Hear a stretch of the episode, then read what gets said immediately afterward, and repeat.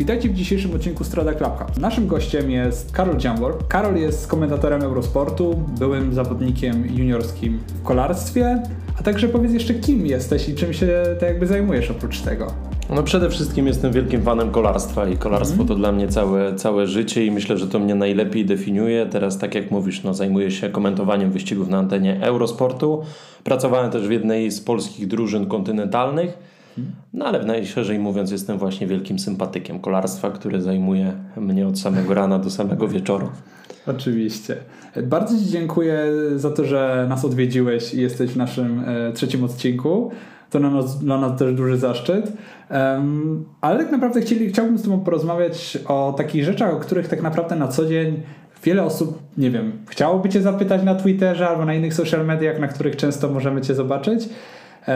A także poruszyć tematy, które mm, no, nie każdy tak jakby domyśla się jak one wyglądają właśnie z, z kwestii osoby, która jest związana właśnie z komentowaniem, czy, czy tak jakby z, z byciem w kolarstwem, w kolarstwem w internecie i w telewizji, tak? Um, może najpierw opowiedziałbyś mi o sobie, swoją historię, jak tak naprawdę się zaczęło to, tak jakby skąd w ogóle pojawiło się w twoim życiu kolarstwo i tak jakby co było takim bodźcem albo rzeczą, która cię zaciekawiła do tego i tak jakby pociągnęła twoją chęć czy wiedzę na temat właśnie kolarstwa? No moja przygoda z kolarstwem zaczęła się bardzo wcześnie, w bardzo młodym wieku, ponieważ już mając 10 lat rozpocząłem starty w kolarstwie w młodzieżowych kategoriach. Mhm. Wtedy to była chyba jeszcze kategoria dzieci do lat 10, jeszcze to chyba nie był żak, także taka kategoria niewymagająca licencji Polskiego Związku Kolarskiego. Do kolarstwa trafiłem dzięki mojemu tacie i dzięki mojemu bratu. Mój starszy brat e, także ścigał się e, w kolarstwie. Nie była to długa przygoda z tym kolarstwem, bardziej niż brat zaraził się tym tata, który go w tym wspierał, a, a później brat z tego zrezygnował, a, a znowu e, dla mnie stało się to czymś atrakcyjnym, mhm. więc taty przygoda została kontynuowana wraz, wraz ze mną. No i tak z wyścigu na wyścig, od pierwszego wyścigu w Rudzie Śląskiej, jak dobrze pamiętam, gdzieś pod koniec lipca, był to 2012 rok, wakacje. Wtedy miałem przyjemność wystartować w pierwszym swoim wyścigu. E, wygrałem ten wyścig, także te wspomnienia od razu były, były dobre, no bo oczywiście dla młode, młodego chłopaka, dla, dla dziesięciolatka możliwość wygrania wyścigu to oczywiście wielkie przeżycie. Wtedy też udzieliłem swojego pierwszego wywiadu na antenie lokalnej, lokalnej telewizji, który do dzisiaj jest gdzieś do odsłuchania na YouTubie. Oczywiście. No i tak stopniowo ta, ta przygoda się rozpoczynała, później byłem żakiem, byłem młodzikiem. Swoją przygodę z kolarstwem e, w tym wydaniu zawodniczym skończyłem na poziomie, na poziomie juniora. W międzyczasie jednak bardzo mnie kolarstwo interesowało od tej strony zawodniczej, od tego, co mhm. się dzieje na największych wyścigach świata. Rozpocząłem w wieku 13 lat e, swój taki epizod e, na portalu rowery.org, mhm. E, gdzie, gdzie jako właśnie 13-latek zacząłem pisać swoje pierwsze artykuły o kolarstwie. One były oczywiście pełne, pełne błędów, pełne jakichś nieprofesjonalnych jeszcze sformułowań, ale tam właśnie zdobywałem swój warsztat dzięki, dzięki dobrym nauczycielom tego kunsztu dziennikarskiego. No i tak stopniowo się to rozwijało, aż, aż w wieku 18 lat zacząłem otrzymywać pierwsze zaproszenia do, do audycji radiowych, do mhm. podcastów takich jak Twój. No i w ten sposób zostałem zauważony najpierw przez Adama Probosza, czyli komentatora Eurosportu, który gdzieś polecił mnie e, szefowi Eurosportu, szefowi stacji. Akurat było zapotrzebowanie, ponieważ zbliżały się Mistrzostwa Świata w kolarstwie mhm. przełajowym i, i trzeba było obsadzić właśnie te Mistrzostwa Świata zarówno komentatorem, jak i ekspertem. Ja wtedy odnalazłem się lepiej bądź gorzej w roli eksperta, no i tak ta, tak ta przygoda jest kontynuowana do dziś. Okej, okay, a powiedz mi tak naprawdę, czy to było kolarstwo stricte szosowe, czy to właśnie były przełaje, tak naprawdę jeśli chodzi o twój początek, czy może to było MTB? Bo tak jakby my jako yy, strona Clubhouse dzielimy się tak naprawdę, ja zacząłem od jednak kolarstwa grawitacyjnego yy, jako amator i tak jakby dalej jestem amatorem i tak jakby to się nie zmienia, ale tak jakby ode mnie się zaczęło to od gra, kolarstwa grawitacyjnego, u Filipa jednak o kolarstwa szosowego. Powiedz mi, jak to było w twoim przypadku? Yy, czy to była właśnie przełaj, czy to była stricte już szosa? No w, Rudzie, w Rudzie Śląskiej zaczęło się od kolarstwa szosowego. Pamiętam, było to kryterium szosowe rozgrywane wokół jednego z centrów handlowych.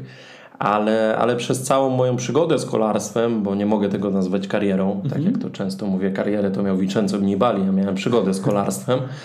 E, zawsze to była i szosa, ale najmocniej przełaj, ale także było, było MTB, więc najbardziej zależało mi na kolarstwie przełajowym. Tym bakcylem zaraził mnie właśnie mój tata do kolarstwa przełajowego. Oczywiście, żeby, żeby odnosić sukcesy na arenach kolarstwa przełajowego w skali krajowej, trzeba było ścigać się na szosie, trzeba było trenować na szosie.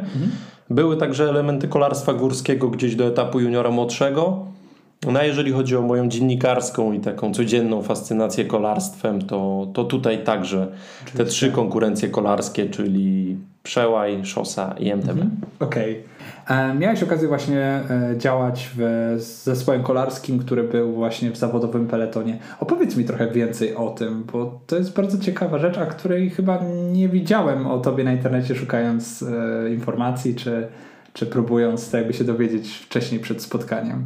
No to była bardzo ciekawa i dość spontaniczna przygoda, ponieważ e, jest to drużyna Mazowsze Serce Polski, ponieważ tego wcześniej nie powiedziałem, w której pełniłem rolę e, właśnie rzecznika prasowego i osoby odpowiedzialnej za szeroko pojęte social media i, i szeroko pojęty marketing. Trwała ta przygoda ponad, ponad 3 lata, no i tam Myślę, że nawet bardziej niż na rowerze nauczyłem się kolarstwa. To za sprawą oczywiście świetnych zawodników, którzy jeździli w tej drużynie, o których mogłem się tego zawodowego kolarstwa uczyć, rozmawiając z nimi po prostu o tym, ponieważ ta perspektywa sprzed telewizora, a perspektywa czy to z wozu technicznego, czy, czy właśnie z rozmów z kolarzami, no to jest zupełnie inna, inna kwestia. I tacy zawodnicy jak, jak Paweł Bernas, jak Marek Rutkiewicz, Alan Banaszek, którzy startowali w najważniejszych wyścigach świata, no poświęcili mi wiele czasu jako jeszcze wciąż młodemu chłopakowi, bo, bo rozpocząłem tę przywo- przygodę w wieku lat 18.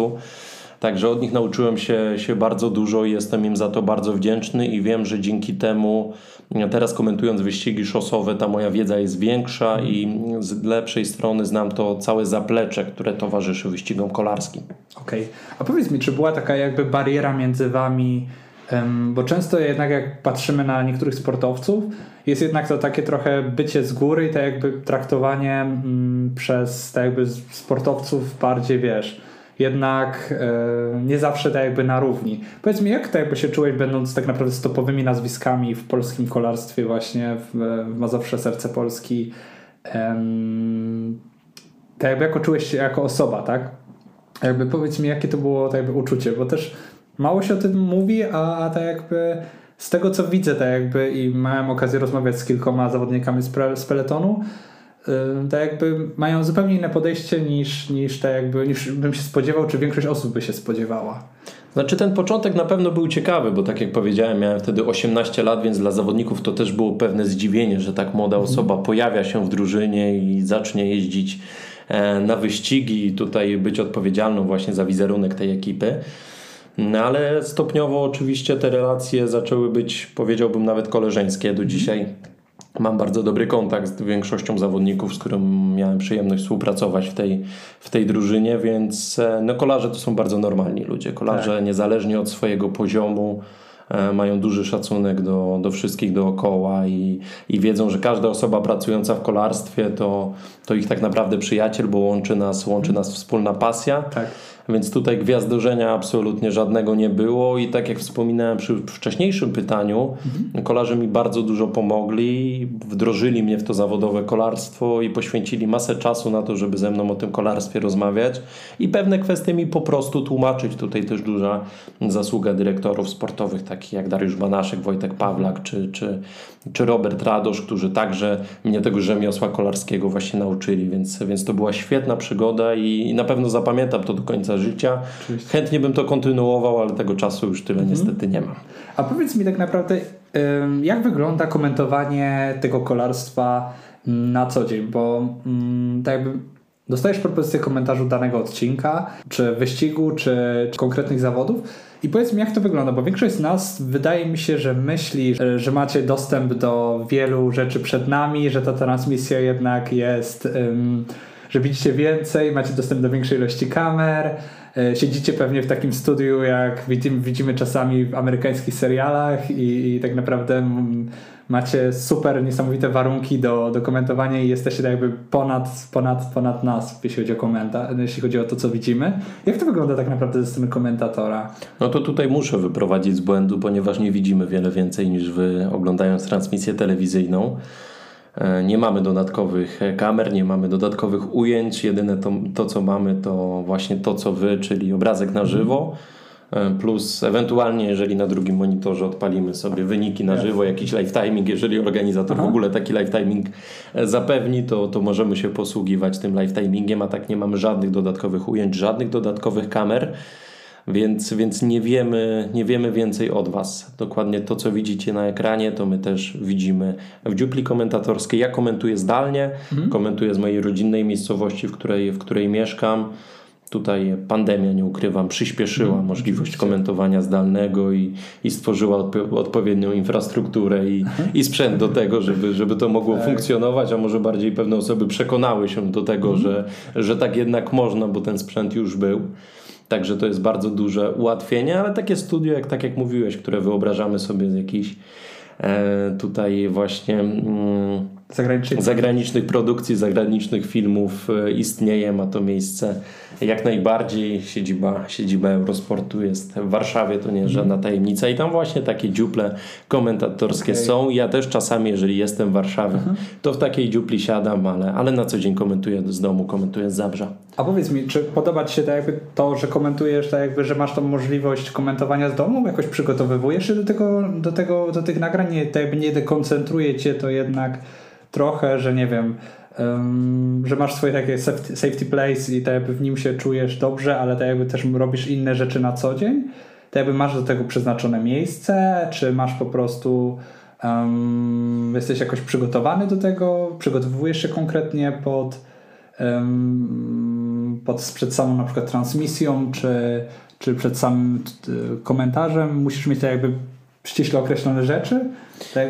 No tutaj to nie jest zbytnio skomplikowane. Mamy, mamy odpowiedni sprzęt, do tego ten sprzęt nie zajmuje szczególnie dużo miejsca, więc ja akurat mam wydzielone miejsce do komentowania w swoim mieszkaniu, ale, ale wystarczy tak naprawdę do tego biurko, dwa komputery i Jasne. zeszyta cztery z notatkami plus listy startowe.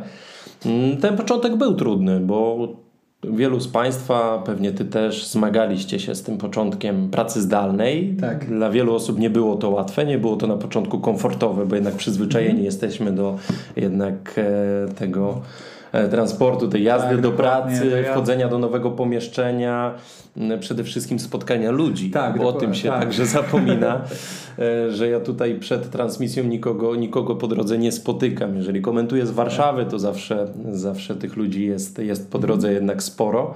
Tutaj tych ludzi nie ma, także na pewno jeżeli chodzi o takie kwestie mm, społeczne, to, to pod tym względem jest to, jest to uboższe ale jeżeli chodzi o komfort pracy, no to ten komfort jest jednak większy. Nie muszę dojeżdżać, mam wszystko pod ręką, co jest mi tak naprawdę potrzebne. Jeżeli chcę sobie zrobić kawę, dolać wody, e, to idę do kuchni i sobie po prostu, po prostu to zapewniam. Tak jak mówię, mieszkam na co dzień na Śląsku, mhm. w Warszawie bywam co jakiś czas, więc, e, więc albo musiałbym się do tej Jasne. Warszawy wyprowadzić, no albo bym musiał cały czas dojeżdżać, a to jednak jest kawałek drogi, więc, e, więc byłoby to zupełnie bez sensu. Więc jeżeli jest możliwość komentarza zdalnego, to bardzo chętnie z niego korzystam. Oczywiście. Wow, to naprawdę ciekawe, bo mm, wiesz, w dzisiejszych czasach jednak wszyscy myślimy właśnie, że robisz to stacjonarnie, ze studia, tak jakby. Więc fajnie, że to się zmienia. E, dla mnie też na przykład było przyzwyczajenie się do pracy zdalnej było czymś innym i tak jakby czymś na początku dziwnym, bo jednak jestem typem osoby, która lubi ludzi wokół siebie, więc um, choć jesteśmy oboje młodzi, tak, e, to, to jednak to było dla nas trochę dziwne i tak jakby zmieniło podejście do wielu rzeczy. Ale wspominałeś mi też ostatnio podczas naszej rozmowy, e, przed, pod, przed nagraniami, że tak naprawdę nie wszystko tak jakby w Twoim życiu idealnie szło po Twojej myśli, bo bo wspominałeś o swojej wadzie wymowy i tak jakby o początkach, które też dla ciebie były na pewno ciężkie, tak? No tak, jako dziecko zmagałem się z wadą wymowy e, i to nie ukrywam, to zawsze dla młodego chłopaka, dla młodego dziecka mhm. jest troszkę problematyczne, zawsze wiąże się z jakimiś mniejszymi lub większymi kompleksami. U mnie akurat ta wada wymowy miała miejsce na literkę R, którą wymawiałem nie najlepiej, co przy moim imieniu i nazwisku nie było szczególnie komfortowe, ponieważ nie byłem Karolem Dziamborem, tylko byłem Kałe Dziambołem. Mhm. Także to było troszkę problematyczne, ale z czasem ta wada wymowy mm, przestała mi doskwierać. Teraz podobno nie jest to już słyszalne i, mhm. i nie ma z tym większego problemu, ale, ale myślę, że te 10 lat temu, kiedy przedstawiałem się właśnie jako Kałe Dziambo, no to mało kto pomyślałby, że w przyszłości mogę zostać komentatorem Eurosportu i to komentatorem kolarstwa. Także bardzo się z tego powodu cieszę i uważam, że jest to mój duży sukces, że gdzieś udało mi się pozbyć tej wady wymowy i teraz mogę spełniać tak naprawdę swoje marzenia, ponieważ komentowanie nie tylko wyścigów kolarskich, ale wszystkiego, co dookoła było dla mnie zawsze wielkim marzeniem. Nie wiem, przypominam sobie dni, jak jako 10-11-letni chłopak wracałem ze szkoły rzucałem plecak, odpalałem konsolę i, i włączałem FIFA, wyciszałem komentatora i sam ten głos swój podkładałem. Także to od samego początku było dla mnie mm, czymś fajnym, bardzo to lubiłem, bardzo lubiłem mówić jako, jako mhm. młody chłopiec. No i tak zostało do dzisiaj. Dzięki dzisiaj mogę w tym pracować, mogę to robić na co dzień, więc, więc chyba jestem szczęściarzem. Jasne. A pracowałeś tak jakby nad tą swoją wadą wymowy? Skupiałeś się na tym, żeby to tak jakby mm, wypracować? nie wiem, czy przed, też przed tym, jak zacząłeś komentować tak jakby pierwsze, pierwsze wyścigi, czy, czy nawet działać tak jakby w szeroko pojętej telewizji, czy w komentarzu, miałeś tak jakby, przygotowywałeś się jakoś, czy, czy poświęciłeś temu jakoś in, trochę więcej, nie wiem, e, swojego czasu prywatnego albo stresu związanego z tym, tak? Tak jakby domyślasz się, o co mi chodzi. Tak, tego czasu troszkę musiało minąć, zanim zacząłem mówić bardziej wyraźnie. Aha. Tutaj miałem swoje sposoby na to, jak troszkę ten aparat mowy rozgrzać i, i spowodować, żeby ta wymowa była bardziej wyraźna, zrozumiała miałem swoje sposoby, jeździłem na rowerze i sobie powtarzałem różne słowa z literką R zawartą, mhm. a tych słów w moim życiu nie brakuje, bo tu i rower, i kolarstwo, i Karol, i Jambor, także i Eurosport. Tak. Także tej literki było dużo, no i tak chciałem wykorzystywać ten czas na treningu, no bo jak nie trudno się domyślić, czasami te treningi kolarskie nie są najciekawsze na świecie i jeżeli robimy długie treningi wytrzymałościowe, to przez większość czasu jednak nic się nie dzieje, mhm. więc zamiast słuchać muzyki na jednej słuchawce czy, czy planować następny dzień, to po prostu sobie głośno powtarzałem te konkretne frazy, konkretne zadania i ćwiczenia. No i tak z czasem ta wada wymowy zaczęła być coraz mniej słyszalna. No i tak myślę, że do dziś dało to bardzo fajny efekt. Tak, ja na przykład w ogóle tego nie słyszę, więc tak jakby gratulacje i, i super, że, że tak jakby udało Ci się to, to mm, wypracować. I to też jest fajne, bo jednak wiele z nas myśli, wiesz, że jak już mamy jakąś wadę wymowy, albo nie wiem, mamy problem z dykcją, to ciężko jest tak naprawdę nad tym pracować, albo ciężko jest sobie z tym poradzić. Próbujemy tak zamieścić to pod dywan, swoje marzenia i tak naprawdę z tego, co chcemy osiągnąć, odpuszczamy sobie to i tak jakby na, trochę w nas to umiera, tak? Ty tego nie odpuściłeś i, i to jest tak jakby fajna, motywacyjna rzecz dla ludzi młodych, w szczególności no, chcących y, zrobić coś więcej, tak? No myślę, że myślę, że to co mówisz to jest to oczywiście prawda i warto próbować, warto się starać przełamywać jakieś mhm. swoje, swoje bariery do momentu, w którym poczujemy, że zrobiliśmy wszystko. Jeżeli będziemy mieli takie wrażenie, takie uczucie, no to można, jeżeli trzeba, to, to można odpuścić, ale dopiero w momencie, w którym nabierzemy świadomości, że już więcej nie mogliśmy zrobić. Bo jeżeli nie dojdziemy do tego momentu, to pozostanie niedosyt i często po wielu, wielu latach e, taki niedosyt wraca. No i po prostu człowiek staje się mniej szczęśliwy, ponieważ wie, że, że to życie mogło potoczyć się inaczej i, i mógł więcej nad czymś pracować i to mogło dać lepszy końcowy efekt.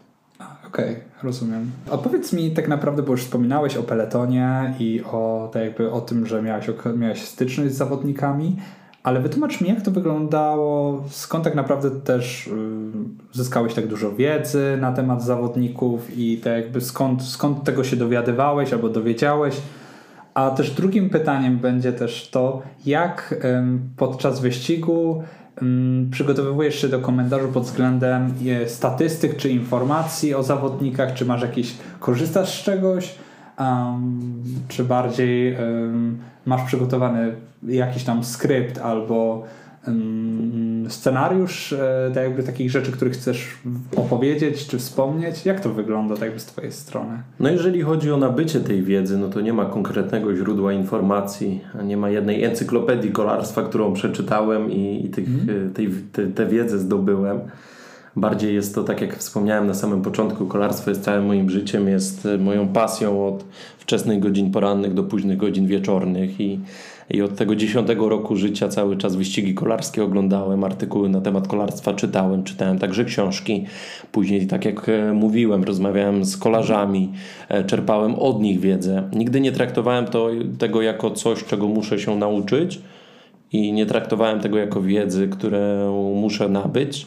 Po prostu mi to sprawiało przyjemność. Po prostu jest to pasją e, najważniejszą w moim życiu, największą w moim życiu, więc to wszystko Mhm. Było bardzo naturalne. Bardzo mnie to interesowało, bardzo mnie to kręciło, kolokwialnie mówiąc, i cały czas chciałem tę wiedzę zdobywać, bo było to dla mnie niezwykle, niezwykle istotne i tak na przestrzeni tych kilkunastu już właściwie lat. Mhm. Ta wiedza gdzieś w mniejszym lub większym stopniu została w mojej głowie i teraz mogę to wykorzystywać, dzieląc się z tym z państwem na antenach, na antenach Eurosportu, ale nie tylko, więc, e, więc nie ma takiego uniwersalnego tutaj źródła informacji, trzeba po prostu się tym pasjonować i to musi być bardzo naturalny proces. Mhm.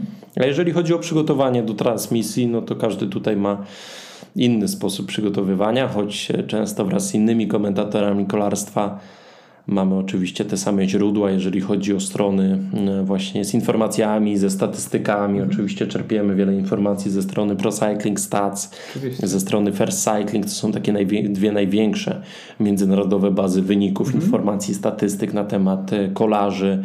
Takich stron jest też więcej, każda, każda czymś się wyróżnia, dużo czytamy też literatury, jeżeli wyścig jest e, prowadzony przez e, jakiś ciekawy region danego państwa, żeby też poznać troszkę lokalnej kultury, poznać troszkę informacji o danym mieście. Nie ma jednego schematu, na którym się ja przynajmniej opieram wszystko też wynika z tego, że, że sam jestem ciekaw tego, tego o czym chcę mówić, Aha. więc po prostu wydzielam sobie mhm. odpowiedni czas na to, żeby się, żeby się przygotować. No i tak e, szukam informacji w internecie czy w literaturze na temat tych wszystkich e, kwestii, a później to, to też są pewne automatyzmy, no bo te wyścigi się też z roku na rok powtarzają, tak. te miasta są takie same, ci zawodnicy też, też mhm. się często powtarzają, więc, więc nie ma tutaj sztywnego schematu, raczej to jest po prostu, tak jak już wspominałem, fascynacja tym wszystkim, no i zainteresowanie danym tematem.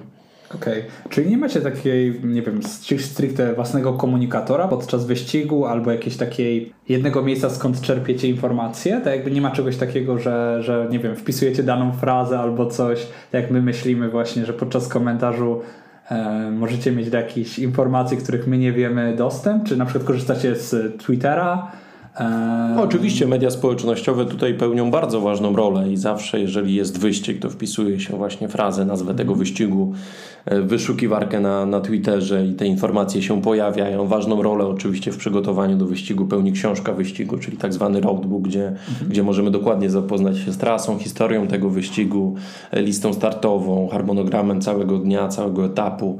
E, także to są, to są oczywiście bardzo ważne, ważne źródła.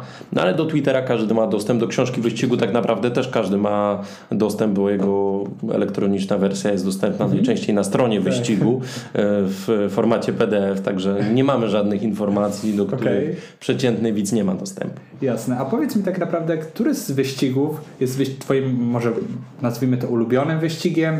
Może najpierw zacznijmy od wyścigu, którego ty lubisz oglądać jako, jako pasjonat i jako bardziej osoba z zewnątrz, a drugi to byłby wyścig, który na przykład lubisz komentować, albo który tak naprawdę najbardziej podoba Ci się jako organizacja, albo jednak najciekawszy Twoim zdaniem, tak?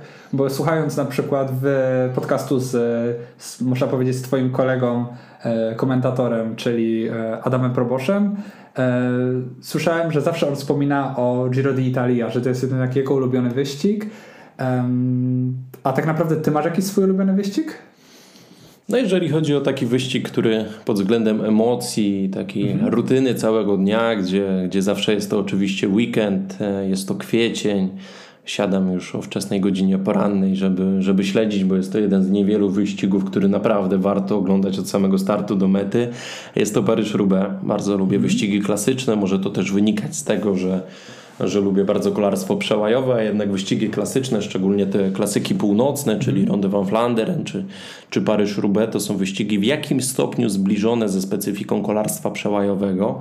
Więc jeżeli chodzi o kolarstwo szosowe, to właśnie Paryż-Roubaix jest takim wyścigiem, który, który z, z największą przyjemnością włączam.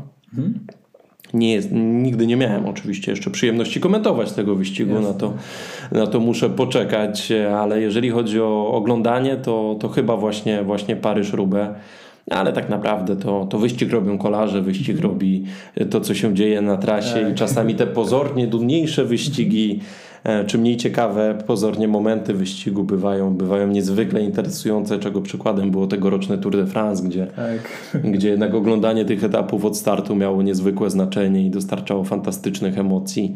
Więc, więc nie ma reguły, ale jeżeli miałbym uderzyć w jeden wyścig mm. i podać tutaj konkretną nazwę, to chyba właśnie Paryż-Roubaix i przełajowe Mistrzostwa Świata, które zawsze także wiążą się z wielkimi emocjami i, i walką pomiędzy Wołtem Van Artem a Matthew Van Der Poelem, czyli moimi dwoma idolami z dzieciństwa, także, tak. także zarówno tutaj właśnie Wout Van Aert, jak i Matthew Van Der Poel, no to były nazwiska, mm które które w tym kolarstwie były, były dla mnie od samego początku, są do dzisiaj.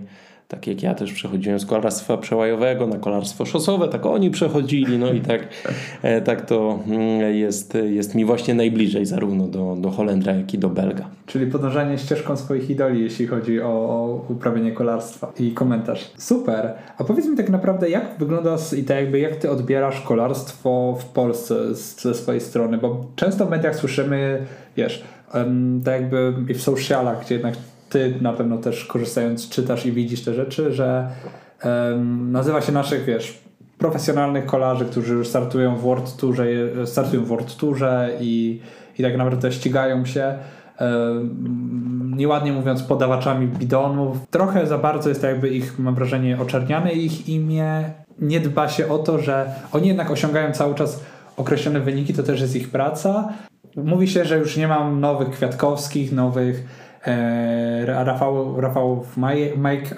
nowych Rafałów Majka czy, czy innych profesjonalistów, tak? Mówi się, że to już jest koniec, bo tak naprawdę nie ma żadnej World Tourowej ekipy um, i w polskiej, więc tak jakby mówi się wprost, że że, że brakuje następnych. Tak, dokładnie. Co ty, co o tym sądzisz i tak jakby jak to twoim zdaniem wygląda, bo masz na pewno wiedzę na ten temat, więc czy może zacznę od tego, że mam wrażenie, że niestety no to nie jest tylko moja opinia.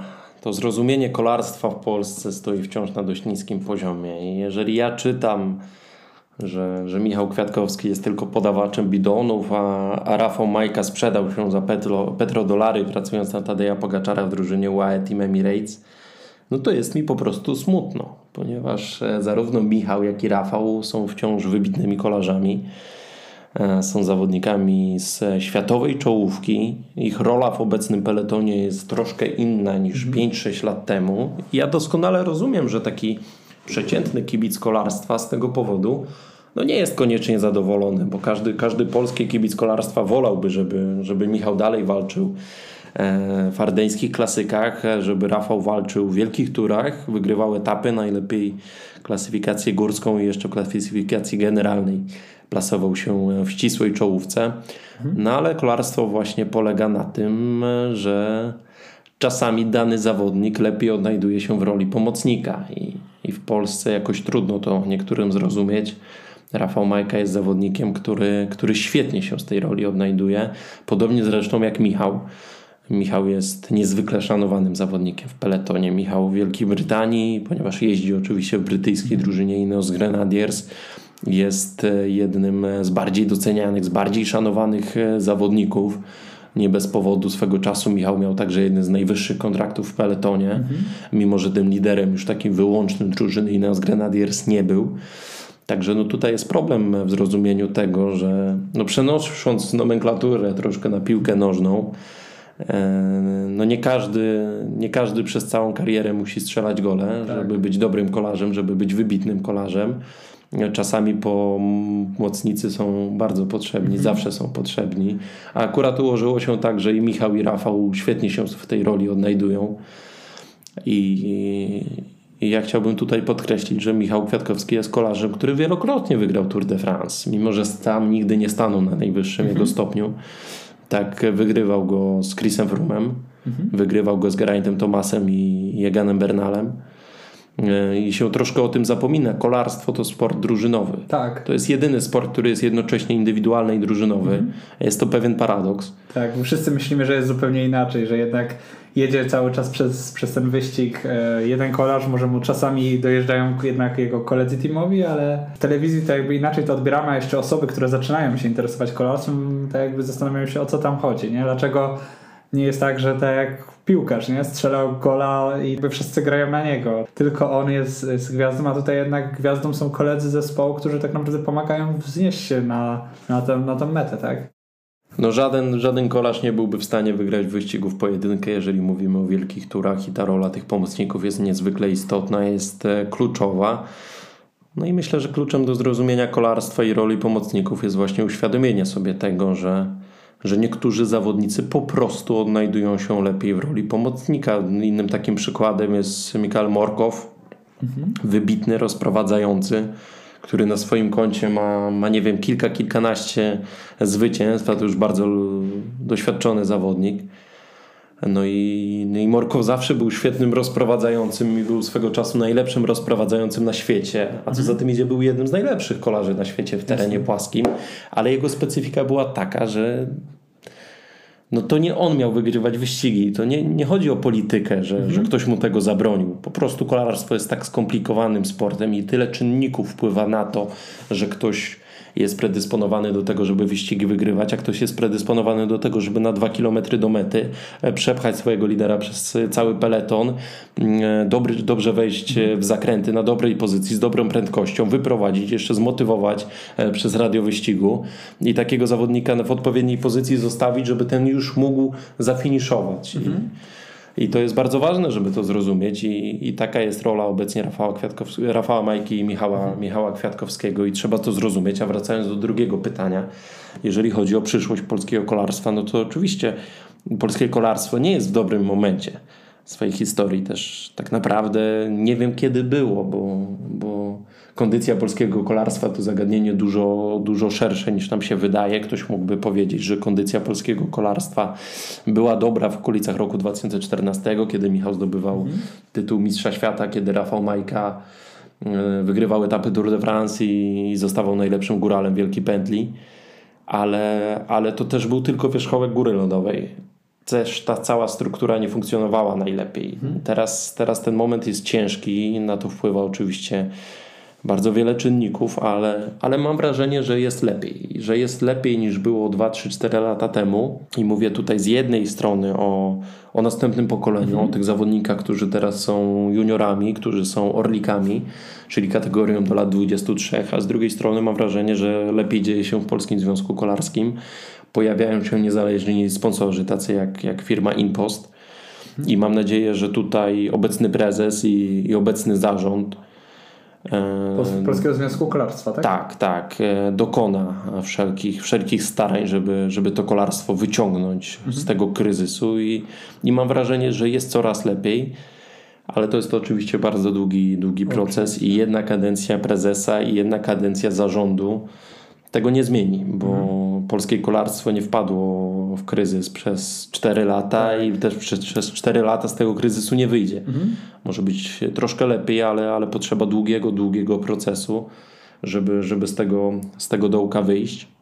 No i mam nadzieję, że to nastąpi. Ja akurat bardzo kibicuję obecnemu prezesowi, obecnemu zarządowi i mam nadzieję, że, że będzie lepiej. Jeżeli chodzi o przyszłość, jeżeli chodzi o zawodników, no to w tym roku bardzo dobry Tour de l'Avenir w wykonaniu naszych zawodników, czyli młodzieżowy Tour de France. Tam czwarte miejsce na pierwszym etapie Michała Pomorskiego, drugie miejsce na drugim etapie Radosława Frączaka. Po drugim etapie Michał Pomorski został liderem całego wyścigu. Jeżeli chodzi o górskie etapy, no to było troszkę gorzej, bo, bo trudno nam idzie wychowanie górala w Polsce ale, ale Kacper Krawiec pokazał, że może rywalizować z zawodnikami już na co dzień jeżdżącymi w dywizji prokontynentalnej czy World mhm. Tourowej, mimo że sam na co dzień jeździ, jeździ w amatorskiej drużynie hiszpańskiej. Także pokazał potencjał i mam nadzieję, że już w przyszłym sezonie Kacper będzie, będzie jeździł w lepszej drużynie i będzie miał lepsze warunki rozwoju. Mamy świetnego juniora, wybitnego juniora moim zdaniem. Od czasów Michała Kwiatkowskiego no podobny, podobny potencjał pokazywał Alan Banaszek ale, ale mamy Patryka Goszczurnego, który już nieoficjalnie mówi się, że jest nowym Michałem Kwiatkowskim. Tak, że jest nowym Michałem Kwiatkowskim i, i oczywiście nie ma co pompować balonika, bo to zawodnik pierwszoroczny, jeżeli chodzi o juniorów, mhm. także zawodnik naprawdę bardzo młody, ale ten chłopak naprawdę ma wielki potencjał, ten chłopak potrafi się ścigać, ten chłopak potrafi rywalizować z najlepszymi na świecie. Jeździ w holenderskiej drużynie Jack Racing Academy, która jest taką nieformalną drużyną rozwojową Jumbo Visma. Mhm. Wow, Ma trenera z drużyny Jumbo Visma. Mm, jeździ już także na rowerze mhm. czasowym drużyny Jumbo Visma. Czyli nie trudno łączyć pewne kropki. Oczywiście nie ma jeszcze żadnej oficjalnej informacji, ale tutaj dyrektorzy sportowi i osoby odpowiedzialne za scouting w drużynie Jumbo Visma mhm. mają w kajecie zapisane nazwisko Goszczurny.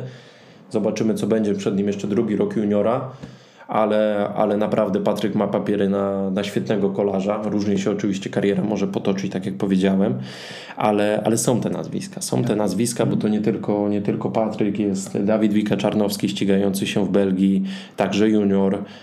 Także te nazwiska są, nie chcę teraz wymieniać zbyt wielu nazwisk, żeby nikogo nie, nie uminąć, żeby nikt tak. nie poczuł się, się tutaj pokrzywdzony, ale, ale naprawdę są te nazwiska i nie, nie dam żadnej gwarancji, że, że ci zawodnicy będą świetnymi kolarzami, ale to nie jest tak, że nie ma nas. Coraz więcej polskich juniorów wyjeżdża na zachód, wyjeżdża za granicę. Ryzykuje bardzo ważną część swojego życia, ponieważ to jest etap y, końcówki liceum, pisania matury, podejmowania decyzji na temat dalszej e, ścieżki edukacji. I rozwoju tak naprawdę w tak, tych latach, tak? Tak, oni ryzykują, oni wyjeżdżają na zachód, ścigają się we włoskich e, ekipach. Tam mamy, mamy teraz Filipa Gruszyńskiego, także zawodnik, który, który ma papiery na duże ściganie. Mamy zawodników w Belgii, mamy zawodników w Hiszpanii, teraz e, także we Francji.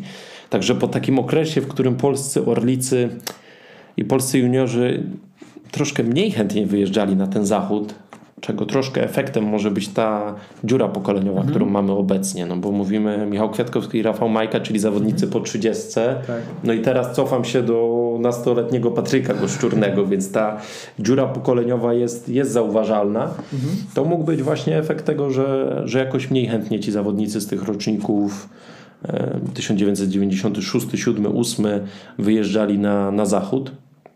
Mieliśmy wtedy jeszcze drużynę CCC, więc, więc wielu z nich chciało, chciało trafić do drużyny CCC, ale, ale teraz tych zawodników na zachodzie jest bardzo dużo. Nie wiem, czy ten sezon nie był rekordowy pod tym względem. No i to musi przynieść efekt. To musi przynieść efekt, bo to zawsze jest zasada skali. No i zawsze, jeżeli będziemy mieli grupę 100 zawodników, no to większe prawdopodobieństwo, że w zawodowym peletonie zachowa się ich większa liczba niż jeżeli na zachód tak. pojedzie 15, tak? Dokładnie. Dlatego to, to szkolenie tych talentów, ale przede wszystkim to znajdowanie talentów mhm. E, pod względem takim psychomotorycznym, ta identyfikacja talentów jest niezwykle istotna i mam nadzieję, że przy Polskim Związku Kolarskim, przy przy Ministerstwie Sportu i Turystyki właśnie ta identyfikacja talentów będzie się także rozwijać, bo to jest niezwykle istotne i to teraz jest podstawa, bo, bo kolarstwo się zmieniło. Kolarstwo się zmieniło strasznie. Teraz e, już nie najważniejsze są wyniki w juniorach, mhm. tylko to ile zawodnik kręci, kręci watów, to jaki zawodnik ma VO2 max i często w Worturze można zapewnić sobie kontrakt badaniami wydolnościowymi, mhm. a niekoniecznie wynikami. Tego kiedyś nie było. Teraz się to pojawiło, więc, e, więc szukanie organizmów. Też mamy coraz więcej historii zawodników, kolarzy, którzy, którzy mieli swoją przeszłość w innych dyscyplinach sportu. No. Tak, dokładnie. No, tak jak e, Remko. Na przykład, czy, który, który był Primoż. piłkarzem, Primoż był skoczkiem, Tobias Foss był biatlonistą, później został mistrzem świata w jeździe indywidualnej na czas.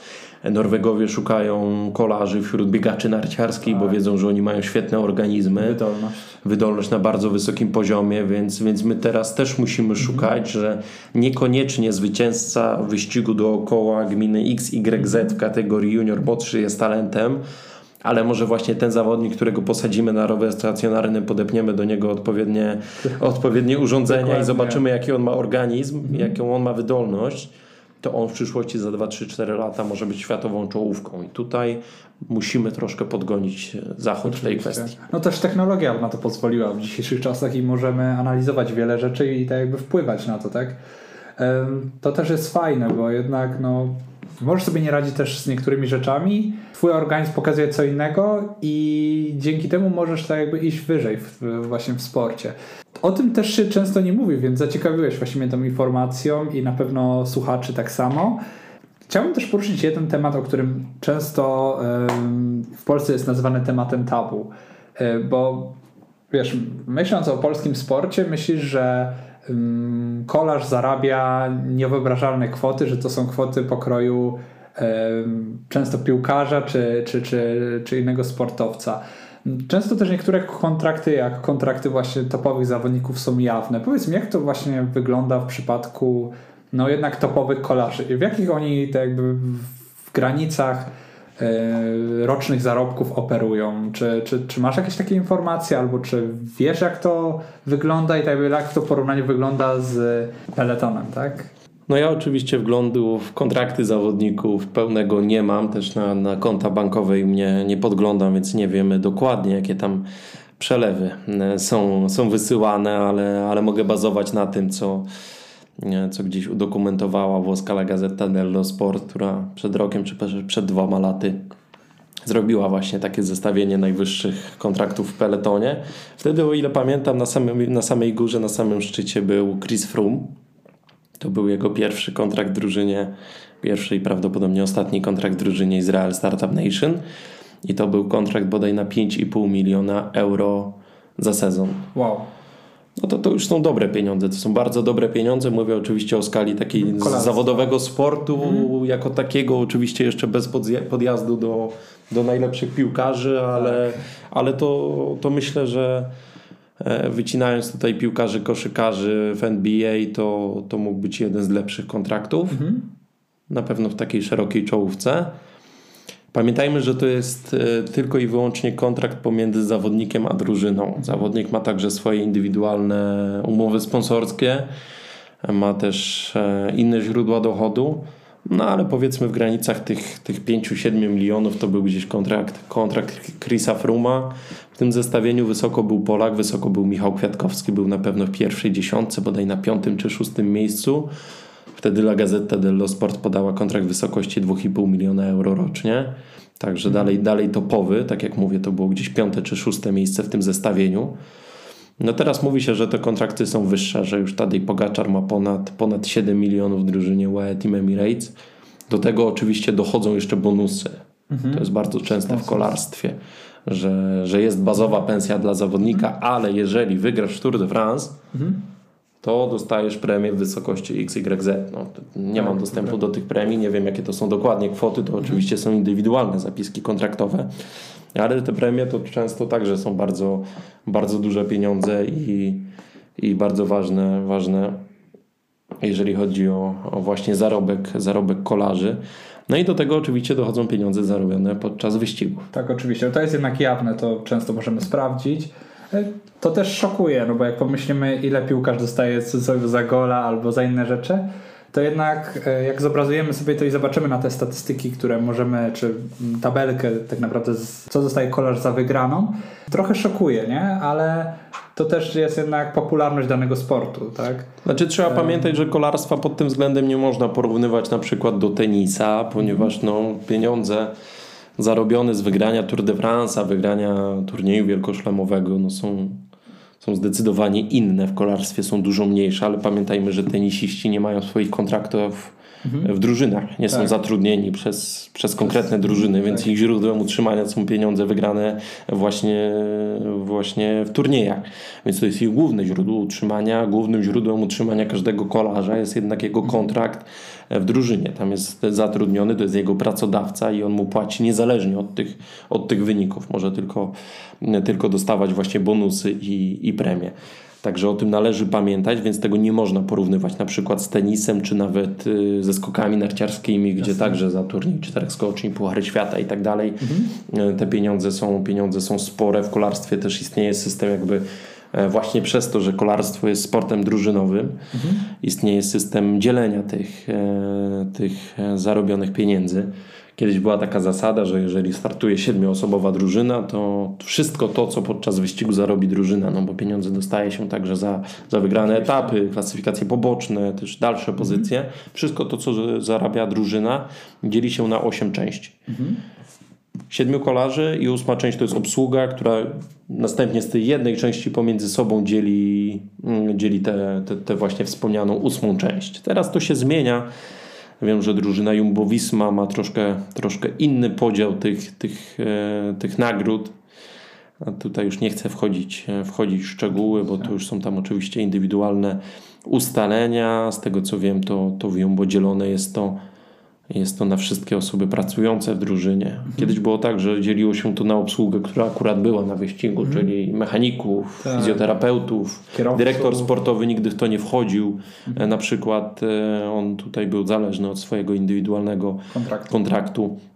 No a teraz słyszałem, że w Jumbo nawet, nawet pani z księgowości dostaje, dostaje część, co niekoniecznie, niekoniecznie jest, jakby- dobre, ponieważ przez to, że to nie są ogromne pieniądze, to jeżeli podzielimy to No. przez 100-200 osób, to tak naprawdę każdy dostanie bardzo niewiele. No i, Tak.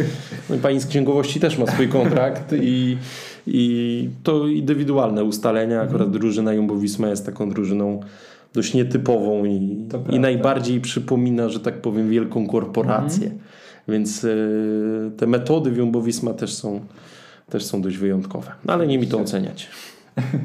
A powiedz mi, masz swój ulubiony team kolarski, taki wiadomo, e, to też pytanie jest bardzo em, ciężkie, bo zdaję sobie sprawę, że jako komentator e, ciężko ci opowiedzieć o który to jakby zespół czy team kolarski jest dobry, tobie, który, który najbardziej się podoba, bo jednak po tym wiele osób może myśleć, że tak jakby patrzysz na nich i bardziej przychylnym okiem, albo, albo tak jakby może mogą myśleć, że wiesz, pop- popierasz jako osoba, mm, jako pasjonat kolarstwa powiedzmy też e, dany team, no jakby podczas wyścigu możesz się skupiać na tym, że wiesz, ktoś może odbierać to inaczej zupełnie, więc to jakby ściśle, prywatnie powiedz mi jakiemu teamowi albo o, o zawodnikach już wspomniałeś, jest to Matthew Van Der Poel i, em, i właśnie Wout van Aert, Mm, a z teamów kolarskich?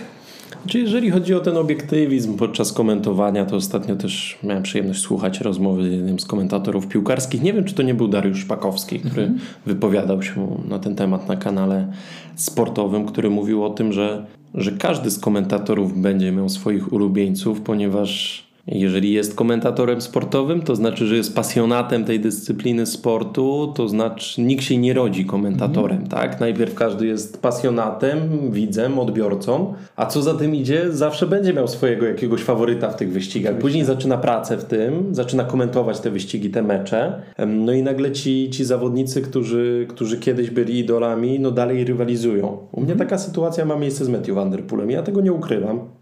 Darzę ogromną sympatią Matthew Van Der Poola. Był moim pierwszym kolarskim idolem, ale to nie zmienia faktu, że, że potrafię na niego spojrzeć krytycznym okiem, jeżeli jest ku temu podstawa. I, I też skomentowałem wiele wyścigów, w których w rozgrywce finałowej na przełajach pokonał go Wout van Aert czy Tom Pitcock i, i przeżywałem to tak samo mocno, bo oczywiście Pitcocka i van Aerta też lubię, też cenię i, i też szanuję niezwykle.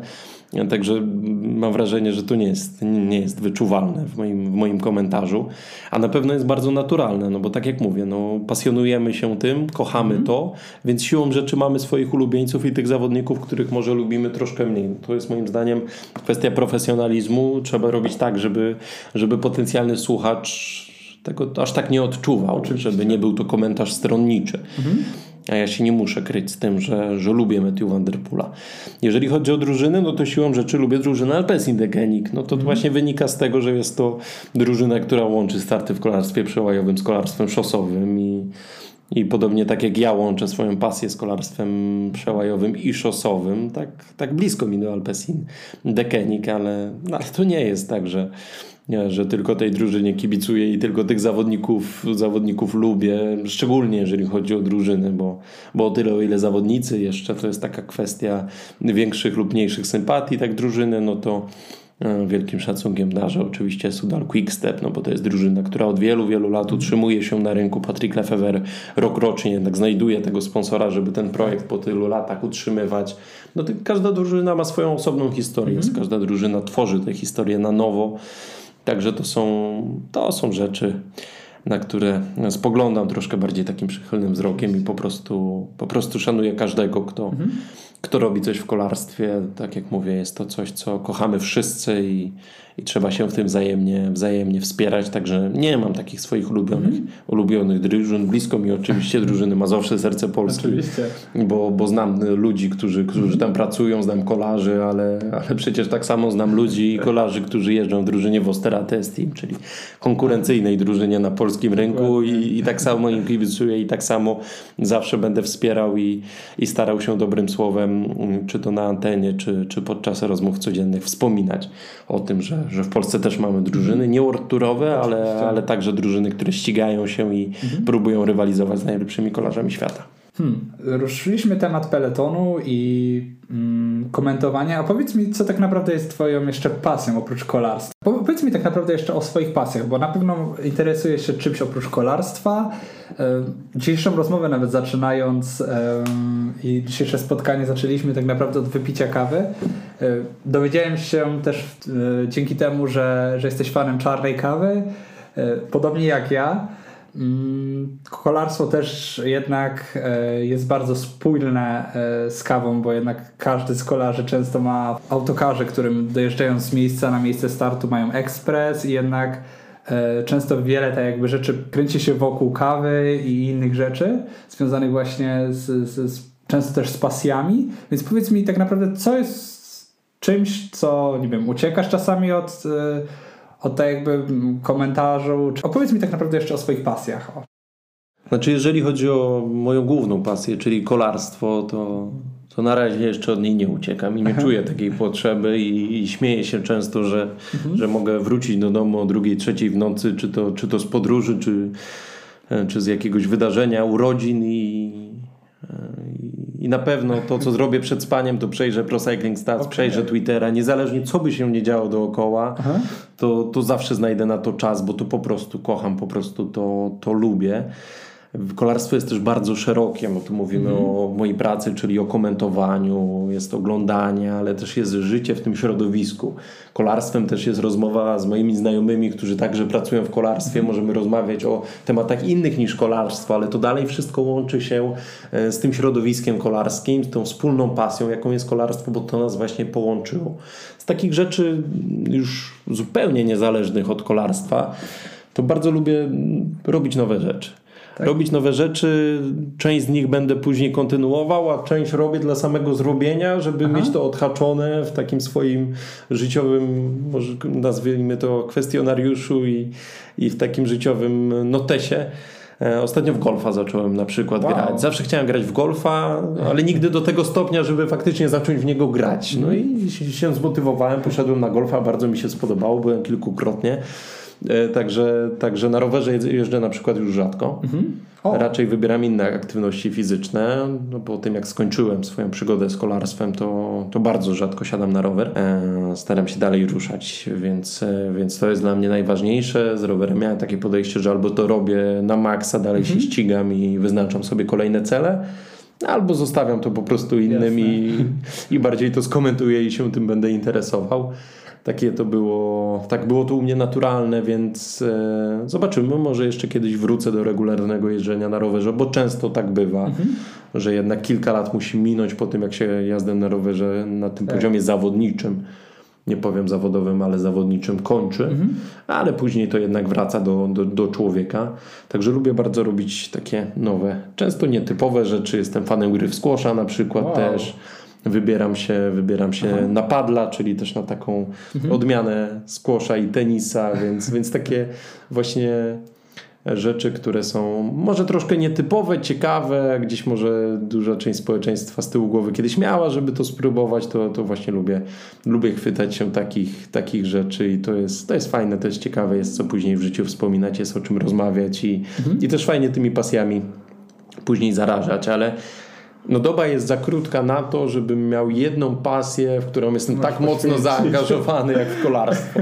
Nawet powiem szczerze, jeżeli chodzi o oglądanie mhm. innych sportów w telewizji. Jasne, co jakiś czas odpalę mecz piłki nożnej, czy, e, czy, czy obejrzę, obejrzę zawody narciarstwa alpejskiego, bo to też kiedyś, kiedyś mhm. lubiłem jako, jako dziecko, czy, czy biatlonu, ale, ale to jest bardzo okazyjnie. Kolarstwa w telewizji jest obecnie tak dużo, że nawet wszystkich wyścigów kolarskich nie da się obejrzeć. E, więc, więc tego czasu jest mało, ale nie narzekam, bo, bo to kocham, bo to lubię i, i to jest dla mnie całym życiem praktycznie. To widać właśnie, że jednak to jest twoja jak można powiedzieć, miłość jako pasja i, i, fajnie, że nie czujesz się tym przebodźcowany, bo w dzisiejszych czasach wieloma, z wieloma rzeczami czujemy się może czasem przebodźcowani, a w szczególności na przykład patrząc na to, że jednak no, yy, startowałeś w zawodach jako, jako młoda osoba i mogło ci to tak jakby trochę... Yy, trochę tak jakby zmienić podejście do tego, ale fajnie, że tak jakby cały czas starasz się mm, interesować tym nie tylko ze względu na pracę, tak? No bo jednak sam mówisz, że prywatnie wieczorem właśnie wchodzisz, że, żeby sprawdzić. To jest, to jest naprawdę fajna pasja i widać to, że robisz to tak naprawdę z miłości do tego też sportu. I fajnie to słyszeć. Powiedz mi jeszcze, bo mówiłeś właśnie o golfie. Jasne jest to, że też pochodzisz z Śląska, o czym, o czym wspominałeś. Macie tam dużo właśnie miejsc, w których możesz pograć w golfa? Czy, czy, jednak, czy jednak nie? Jak, jak to wygląda? Czy musisz gdzieś daleko jeździć, e, patrząc na to? Ja dokładnie akurat jestem z Zabrze. Ostatnio nam powstały e, właśnie pola golfowe pomiędzy Zabrzem a Gliwicami, czyli na terenie Sośnicy. Ja akurat dojeżdżam do, do Bytomia, ale hmm. tak jak to tej aglomeracji śląskiej wszystko jest bardzo blisko siebie, więc od Bytomia dzieli mnie dosłownie 15 minut samochodem. Tam jest świetny klub golfowy, także może taka mała reklama, ale, ale ja gram na Armadzie mhm. właśnie w Bytomiu, także Także tam na, no jest infrastruktura, mamy, mamy kilka polów golfowych, ale ogólnie jeżeli chodzi o mhm. Polskę, to, to tutaj nie stoimy najlepiej, jeżeli chodzi o golfa, chociażby w Czechach tych pól golfowych jest zdecydowanie więcej mhm. i ta kultura golfowa w Polsce nie jest tak do końca rozwinięta mhm. i raczej kojarzone to jest jako sport dla elit i dla bogatych przedsiębiorców, a, a gra w golfa zupełnie nie jest droga w porównaniu do innych aktywności, Dokładnie. które robimy, robimy na co dzień to są naprawdę nieduże pieniądze, jakie można wypożyczyć, przejść się na driving range'a, czyli, czyli to miejsce, gdzie, gdzie można uczyć się odbijać piłkę, bo nie mhm. jest to tak, nie jest to takie proste, to naprawdę nie są duże pieniądze i, i można wyskoczyć e, tak naprawdę na golfa, pograć 2-3 godziny w cenie, w cenie dużej pizzy w centrum tak, miasta, dokładnie. także nie trzeba od razu mhm. kupować sprzętu, nie trzeba kupować specjalistycznego ubioru po prostu można, można się zdecydować, znaleźć w okolicy pole golfowe, klub golfowy i, i zacząć swoją przygodę. Nie też nie, nie jestem żadnym specjalistą w tej kwestii, ale, ale sam się tym bardzo zainteresowałem Oczywiście. I, i polecam naprawdę każdemu. Fajny sposób na spędzenie czasu. Też mało jest sportów tak e, które pozwalają też e, podtrzymywać kontakty międzyludzkie. No bo jeżeli chcemy iść ze znajomym, czy czy z kimś po prostu uprawiać sport, no to jeżeli pójdziemy biegać, to bez dobrej kondycji po pięciu godzinach już ta rozmowa będzie tak. ciężka, bo ten to będzie bliskie maksymalnemu i maksymalnego i, i ta rozmowa nie będzie taka płynna i przyjemna. E, podobnie zresztą jest na rowerze, e, tak. na co też wpływa masa czynników. Jak pójdziemy na basen, to też raczej nie będziemy ze sobą rozmawiać, a jak pójdziemy na golfa, to ten czas Aha. i pole do tego jest. Nomen omen pole. Także, także to pod tym względem też jest bardzo fajna aktywność. Oczywiście. No ja miałem tam jakoś tam też styczność z tym, więc, więc wiem o czym mówisz. I tak jakby szkoda, że w Polsce przez pryzmat właśnie tego się patrzy, że, że właśnie to jest sport dla bogaczy, a tak naprawdę tak nie jest. To, co nam siedzi w głowie, to jest jednak to, co, co, co na to wpływa, ale no, prawda jest inna. Fajne. Kolarstwo to jest sport dla bogaczy przy obecnych cenach tak. rowerów. Choć podobno tego, spadają. No ale dalej w porównaniu do golfa tak, są bardzo prawda. wysokie, bo zestawić ze sobą kijów golfowy albo cały, cały zestaw kijów już do profesjonalnej gry w golfa, a, a do szosowego roweru tak. markowego to, to naprawdę golf jest dużo tańszy. Dobry kredyt albo finansowanie to jest jednak... E jedne z czynników, co decyduje, tak? A jeszcze jak chcesz mieć, e, chcesz mieć to podejście, gdzie nie jeden rower ci wystarcza, to już wiesz, w ogóle sky is the limit, nie? Poruszyliśmy tematy kolarstwa szosowego, ale mało mówiliśmy o przełaju. Z tego tak naprawdę co widzimy, e, zaczyna już nadchodzić jesień i tak naprawdę kolarstwo tak jakby stricte szosowe zaczyna się powoli, sezon zaczyna się kończyć. Prawdą jest to też, że zostało nam kilka ważnych wyścigów. Zaczyna się sezon kolarstwa przełajowego. Czy mógłbyś o nim więcej coś powiedzieć? Bo wydaje mi się, że też mało wspominaliśmy e, o nim podczas, dzisiejszego podcastu właśnie. No jeżeli chodzi o tegoroczne przełaje, właściwie nie tegoroczne, bo zawsze trzeba pamiętać, że nigdy nie ma tegorocznego sezonu kolarstwa mhm. przełajowego, ponieważ nachodzi on na rok kolejny, także no tak? sezon, sezon kolarstwa przełajowego rozpoczyna się gdzieś pod koniec września, a kończy, a tak, a kończy tak naprawdę na początku lutego. Mhm. Także, także zawsze to jest dwuroczny sezon. E, zawsze jest to na przykład sezon 2002-2003, 2003-2004.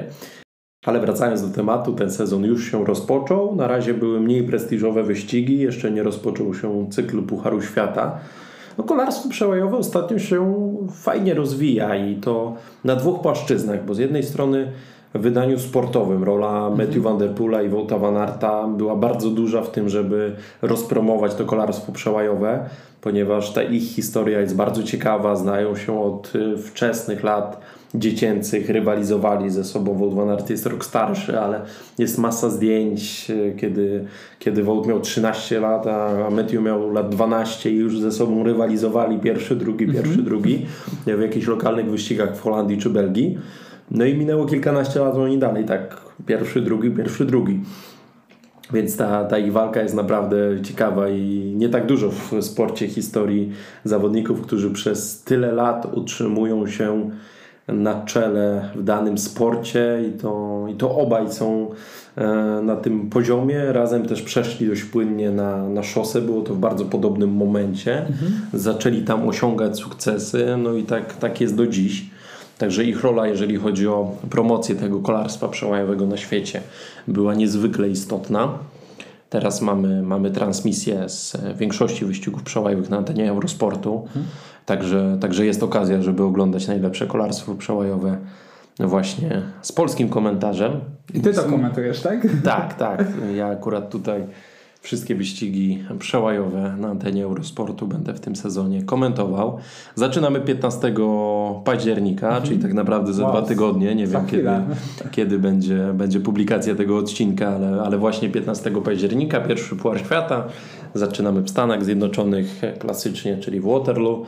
No i później tak cała karuzela zacznie się już rozgrywać w Europie. No jest to konkurencja bardzo ciekawa, jest to coś, co naprawdę przyjemnie się ogląda, to ze względu na to, że jest to wyścig bardzo krótki, intensywny, treściwy i tutaj cały czas od startu do, metu, do mety są emocje. Nie zawsze widzimy to na wyścigach kolarstwa szosowego, mm -hmm. gdzie nie oszukujmy się, jest bardzo dużo fragmentów, w których nic się nie dzieje. Mamy czterech zawodników w ucieczce, peleton kontrolujący sytuację na trasie i długie oczekiwanie na to, co wydarzy się w mhm. końcówce. W przełajach tego nie ma. Gaz od samego startu, wyścig trwa około godziny, godziny 10 minut dużo krócej niż w, jednak w World Tourze duże, duże wyścigi, tak? Tak, tak, tak. Te wyścigi są zdecydowanie krótsze, a to powoduje, że są niezwykle intensywne i te emocje są skumulowane w tej godzinie rywalizacji. Także naprawdę dobrze się to ogląda. No a jeżeli chodzi o popularność tej dyscypliny sportu, no to tutaj przoduje oczywiście, przodują oczywiście kraje Beneluxu, mhm. Belgia, Holandia, także Luksemburg, troszkę Niemcy, troszkę Francja, no ale jednak Belgia to jest taka potęga, jeżeli chodzi o kolarstwo przełajowe od wielu, wielu lat. No i na razie się to nie zmienia. Niestety nie jest to dyscyplina olimpijska. Trudna jest ta relacja kolarstwa przełajowego z Igrzyskami Olimpijskimi, bo jest wiele argumentów za tym, żeby kolarstwo przełajowe było w programie Igrzysk mm. Olimpijskich, ale jest też wiele argumentów za tym, żeby go nie było. Mówi się o tym, że przede wszystkim bardzo trudno wybrać, na których igrzyskach olimpijskich kolarstwo przełajowe miałoby no być. No tak. Bo nie jest to konkurencja letnia, mhm. ale nie jest też w pełni zimowa. No. Zapisem, jeżeli chodzi o regulamin zimowych igrzysk olimpijskich, jest to, że wszystkie konkurencje w całości powinny rozgrywać się na śniegu albo lodzie. Mhm. No i pojawił się taki pomysł i jest to już wprowadzane. Jest Puchar Świata we włoskim Val di Sol, rozgrywany w grudniu. Mhm gdzie chcąc nie chcąc tego śniegu jest wystarczająco dużo, żeby cała trasa była pokryta śniegiem. No i powiem szczerze, dobrze się to ogląda. Jest to naprawdę ciekawe i, i tutaj było wiele kontrowersji, że to niewiele ma wspólnego z kolarstwem, Aha. ściganie po śniegu, ale ten śnieg jest ubity, ten śnieg Dokładnie. jest przejezdny. Jeżeli jest dobra opona, dobra szytka, to, to nie zmienia to aż tak specyfiki tego sportu. Mhm. Więc kto wie, może w końcu, w końcu kolarstwo przełajowe będzie w programie Igrzysk Olimpijskich jeżeli już to zimowych, to też będzie bardziej pasować do sezonu przełajowego, bo tak jak mówiłem, sezon przełajowy zaczyna się pod koniec września, kończy gdzieś w połowie lutego, mhm. no to zdecydowanie łatwiej zrobić Igrzyska Olimpijskie na koniec sezonu, no niż robić je dwa miesiące przed sezonem, mhm. tak jak to w przypadku letnich Igrzysk mhm. Także tutaj ten problem także zostałby rozwiązany. Na pewno problemem kolarstwa przełajowego jest globalizacja. Mhm. Jeżeli spojrzymy na pierwszą dziesiątkę Mistrzostw Świata, zobaczymy tam 6, 7, 8 Belgów, dwóch Holendrów i w I dobrym przypadku jednego Szwajcara czy Czecha. Mhm. Także do, Belgowie zdominowali całkowicie kolarstwo przełajowe już od wielu, wielu lat. Holendrzy zawsze mają jednego, drugiego mocnego zawodnika. -hmm. No, w ostatnich latach jest to Matthew van der Poel i Lars van der Aare, ale innym nacjom bardzo trudno się przebić. -hmm. A jednak w Igrzyskach Olimpijskich to jest dość ważne, jeżeli jakaś, jakaś e, konkurencja -hmm. chciałaby się znaleźć w programie tych Igrzysk, no to jednak tutaj niezwykle ważne jest to, żeby, żeby większa liczba państw po prostu mhm. e, znaczyła cokolwiek w tym sporcie, więc to jeszcze troszkę lat musi potrwać no i są działania ku temu. Rozszerza się kalendarz Pucharu Świata. Mamy edycję w Stanach Zjednoczonych, mamy edycję we Francji, w Hiszpanii, we Włoszech. W Czechach także w tym roku będziemy mieli, znaczy w przyszłym roku, ale w tym mhm. sezonie będziemy mieli Mistrzostwa Świata w czeskim taborze. Także jest tego coraz więcej. Za tym jeszcze muszą iść zawodnicy, którzy dochodzą na ten najwyższy poziom. Oczywiście. To jest proces, mam nadzieję, kilkuletni. Jeżeli tak będzie i utrzyma się ta tradycja rozgrywania tego zimowego Pucharu Świata w Val di Sol po śniegu i, i może to będzie, będzie przyczyną, to będzie skutkowało tym, że jednak kolarstwo przełajowe znajdzie się w programie Igrzysk Olimpijskich, a to na pewno tej dyscyplinie bardzo, bardzo pomoże. Mhm. Ale rozwija się też amatorskie kolarstwo przełajowe. Mhm. Troszkę ostatnio gravele tak, przyćmiły. Właśnie chciałem to Przełaje, ale, ale dalej jest w Polsce kultura mhm. stawek przełajowych w różnych częściach Polski. Mhm. Czasami są to stricte takie wyścigi amatorskie, Oczywiście. czasami są to takie przejażdżki bardziej. No i rozwija się to w Polsce. W Warszawie jest Ręka CX, bardzo ciekawa mhm. taka inicjatywa. Wiem, że, że takie ustawki są też we Wrocławiu. Jest tego coraz więcej. Nie chcę teraz wymieniać, bo, bo zapomnę na pewno mhm. o wielu inicjatywach, ale ale stało się, stało się modne kolarstwo przełajowe w wydaniu amatorskim i teraz grunt, żeby były odpowiednie osoby, które będą w stanie wykorzystać tą popularność kolarstwa przełajowego amatorskiego, żeby pociągnąć to do kolarstwa zawodowego, no bo Oczywiście. kondycja polskiego kolarstwa przełajowego jest naprawdę fatalna. Mhm. Czyli tak nie jak... mamy takich osób e, właśnie, którzy są e, na wysokim poziomie w kolarstwie zawodowym przełajowym, a to jakby mało mówi się właśnie o przełaju.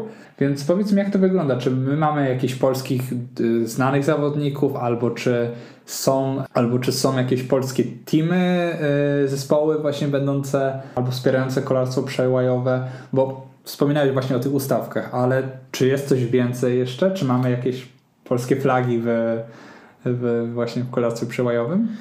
Znaczy ogólnie sytuacja wygląda w sposób następujący. Tych wyścigów takich zawodowych, tak to nazwijmy, dla zawodników licencjonowanych w Polsce jest bardzo dużo. Ten sezon trwa od, od października do, do stycznia, kończy się najczęściej Mistrzostwami Polski, więc y, Puchary Polski, wyścigi, wyścigi pod egidą Polskiego Związku Kolarskiego jak najbardziej są. Ci zawodnicy są. Problem jest z elitą, problem mhm. jest z seniorami. Mamy wielokrotnego, już chyba dziesięciokrotnego mistrza Polski Marka Konwę, który, który jest dominatorem na polskim podwórku. No ale, no ale jeżeli chodzi o Marka, no to Marek już jest zawodnikiem bardzo doświadczonym. Mhm. E, dobrze poszło mu w ostatnich Mistrzostwach Świata, które rozgrywane były na początku tego roku właśnie, mm, właśnie na zachodzie. Tam Marek naprawdę pojechał świetny wyścig, a mianowicie zakończył te Mistrzostwa Świata na pozycji 17. No to jest bardzo dobry wynik, to jest najlepszy wynik od lat, jeżeli chodzi o polskie kolarstwo przełajowe. Ale to jest wciąż za mało. Mhm. Marek mhm. do ubiegłego roku reprezentował barwy UKS Krupiński Suszec Konwa Bike. Teraz został zawodnikiem czeskiej drużyny. No ale to nie jest zawodowa drużyna kolarstwa przełajowego. To wynika z dwóch rzeczy. Z tego, że ten poziom polskiego kolarstwa przełajowego jest dość niski. Z drugiej strony, że to kolarstwo przełajowe jest mocno hermetyczne, jeżeli chodzi o Belgię. Większość zawodowych drużyn jednak woli mhm. mieć belgijskich zawodników, bo jest to łatwiejsze logistycznie, łatwiejsze finansowo, nie trzeba opłacać takiego zawodnika, tak. jego pobytu stałego w Belgii. Więc, więc tutaj bardzo trudno o kontrakt, no a nam brakuje struktury, jeżeli chodzi o szkolenie tej młodzieży, mhm. bo to, że my mamy wyścigi, no to oczywiście bardzo dobrze, no bo to jest podstawa. My mamy startujących w tych wyścigach w kategorii młodzik, junior, młodszy junior, ale dla większości tych startujących te wyścigi przełajowe to jest po prostu taki okres przejściowy pomiędzy ściganiem w kolarstwie szosowym bądź górskim, ponieważ te sezony się nie zazębiają, więc to jest sposób na spędzenie jesieni, jesieni i zimy, a niekoniecznie, kolokwialnie mówiąc, sfokusowanie się mhm. na tym, żeby w przyszłości robić to na poziomie zawodowym. Także brakuje, mamy piękne tradycje, jeżeli chodzi o kolarstwo przełajowe, bo kolarstwo przełajowe polskie przed 20-30 laty stało na bardzo wysokim, topowym światowym poziomie. Mieliśmy medalistów Mistrzostw Świata, Mistrzostw Europy, no ale, ale to było wtedy, kiedy mnie jeszcze nie było na świecie, bo o ile pamiętam ostatni medal to Mariusz Gil w 2002 bądź 2003 roku we francuskim Ponchetau to był 2002 albo 2003 rok, czyli wtedy, kiedy ja przychodziłem na świat, więc już troszkę minęło. Tak, to prawda. Mariusz miał wtedy srebrny medal w rywalizacji do lat 23. No i od tego czasu no był nieszczęsny rok 2010, kiedy w czeskim mhm. taborze podczas Mistrzostw Świata Polacy zajęli pierwsze, trzecie i piąte miejsce w rywalizacji do lat 23. No, no ale niestety, czasu... niestety bracia Szczepaniak mieli pozytywny test pozytywny wynik kontroli antydopingowej, więc teoretycznie mhm.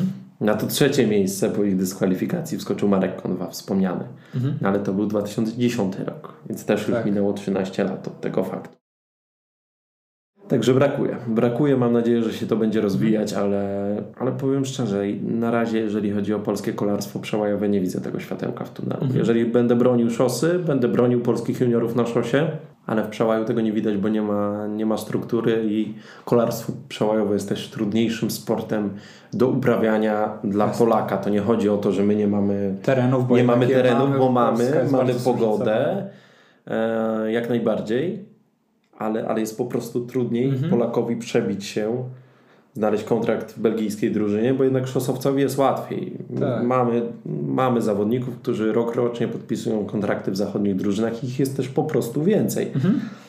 A jeżeli chodzi o przełaj, no to jest bardzo wąskie grono i jest to niezwykle trudne.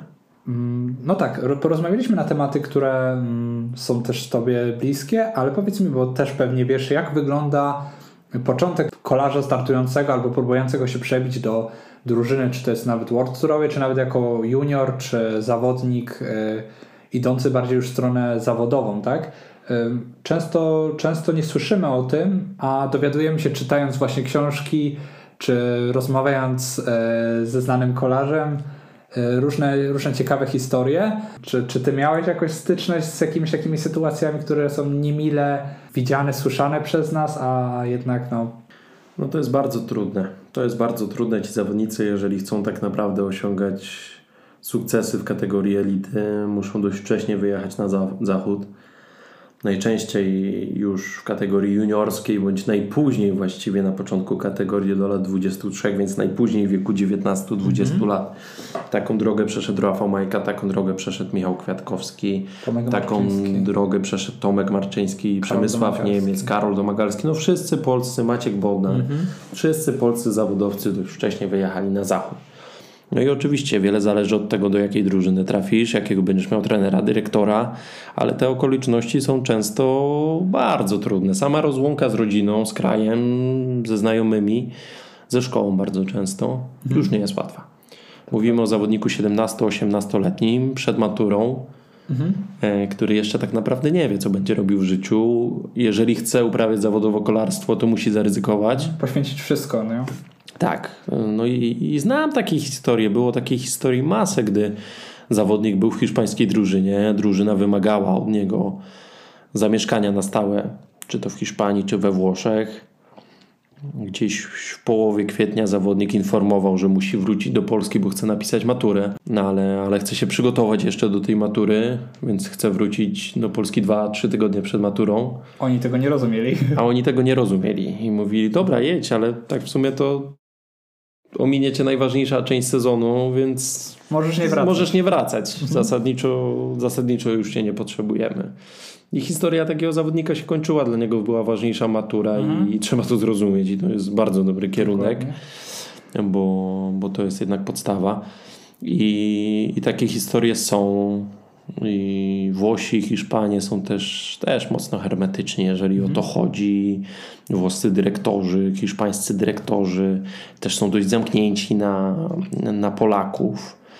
Ta opinia o Polakach też jest różna. Często na zachodzie dalej jest takie wrażenie, że, że my jesteśmy tak naprawdę drugą Ukrainą. Mhm. A zupełnie tak nie jest. A zupełnie tak nie jest i tu chodzi mi o Ukrainę, nie żeby uderzać w Ukraińców, czyli, ale jednak Ukraińcy Tak jakby... we Włoszech i w Hiszpanii mają, mają przeszłość mocno dopingową Mhm. i tych, tych afer było sporo, jeżeli chodzi o Ukraińców, szczególnie we Włoszech.